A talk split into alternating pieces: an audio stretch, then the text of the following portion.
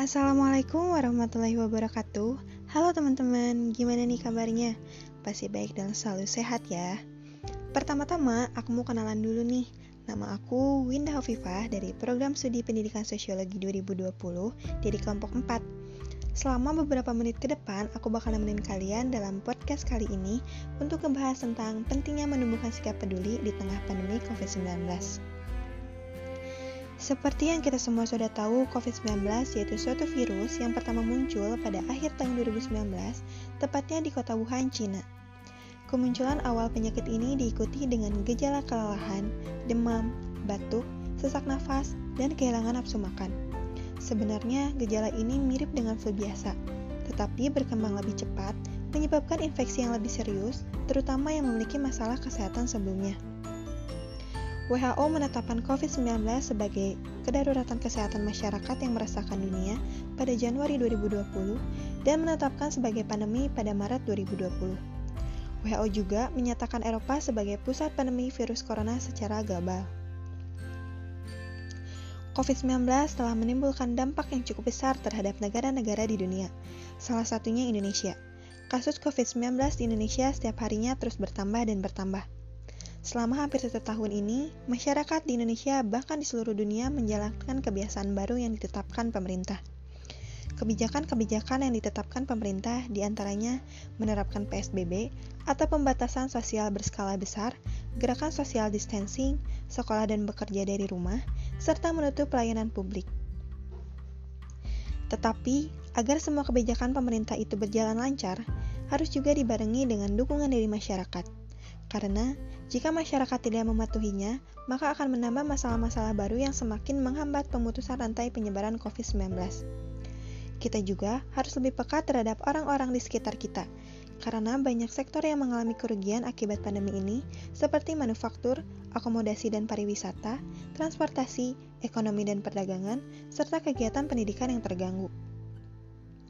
Tidak sedikit juga perusahaan-perusahaan yang melakukan pengurangan gaji karyawan dan pemutusan hubungan kerja karyawan secara besar-besaran guna menutupi kerugian. Untuk itu, perlu ditanamkan sikap kepedulian terhadap sesama agar dapat membantu orang lain mengurangi beban hidupnya. Di dalam masyarakat, setiap orang perlu menanamkan sikap peduli terhadap sesama. Kepedulian sendiri merupakan salah satu bentuk sikap dan perilaku perhatian kepada orang lain atau masyarakat lain yang berkaitan dengan nilai kejujuran, simpati, kesopanan, keramahan, kebaikan, dan lain-lain. Semua nilai tentang kepedulian bisa kita dapatkan melalui lingkungan. Kepedulian terhadap sesama dimaksudkan bukan untuk mencampuri urusan orang lain, melainkan untuk membantu memecahkan masalah yang dihadapi orang lain dengan suatu tujuan kebaikan dan kedamaian. Salah satu bentuk kepedulian sosial adalah membantu. Perilaku membantu bisa dilakukan oleh semua usia. Di masa pandemi seperti sekarang ini, sikap peduli terhadap sesama yang bisa ditumbuhkan antara lain. Pertama, dengan langkah kecil terlebih dahulu, yaitu dengan menjaga diri kita sendiri untuk melindungi orang lain dengan cara mematuhi protokol kesehatan yang dianjurkan oleh pemerintah. Dengan begitu, kita sudah meminimalisir penyebaran COVID-19 dan memperlihatkan sikap peduli kita terhadap sesama. Selain kita sendiri yang mematuhi protokol kesehatan, maka kita juga harus mensosialisasikannya kepada masyarakat betapa pentingnya mematuhi protokol kesehatan itu. Karena, seperti yang kita ketahui, masih banyak masyarakat yang mengabaikan pentingnya protokol kesehatan saat ini, sehingga penyebaran COVID-19 pun terus meningkat. Lalu, kondisi ekonomi sekarang yang bisa dikatakan buruk akibat dari pandemi ini mendorong kita untuk lebih peduli terhadap sesama, kita bisa menunjukkan sikap peduli kita dengan memberikan bantuan kepada orang-orang yang membutuhkan. Misalnya, memberikan makanan dan sembako kepada warga yang terkena PHK, lansia, pengemudi angkutan umum, pedagang kaki lima, dan lain-lain. Lalu, bagaimana jika ada orang sekitar kita yang terkena COVID-19? Kita bisa memberikan dukungan berupa semangat dan juga bahan-bahan pokok yang mereka butuhkan agar cepat pulih tetapi tidak lupa juga dengan protokol kesehatan yang baik dan benar. Pandemi COVID-19 tidak hanya mempengaruhi perekonomian masyarakat, namun hal ini juga berdampak pada mahasiswa, khususnya mahasiswa perantau.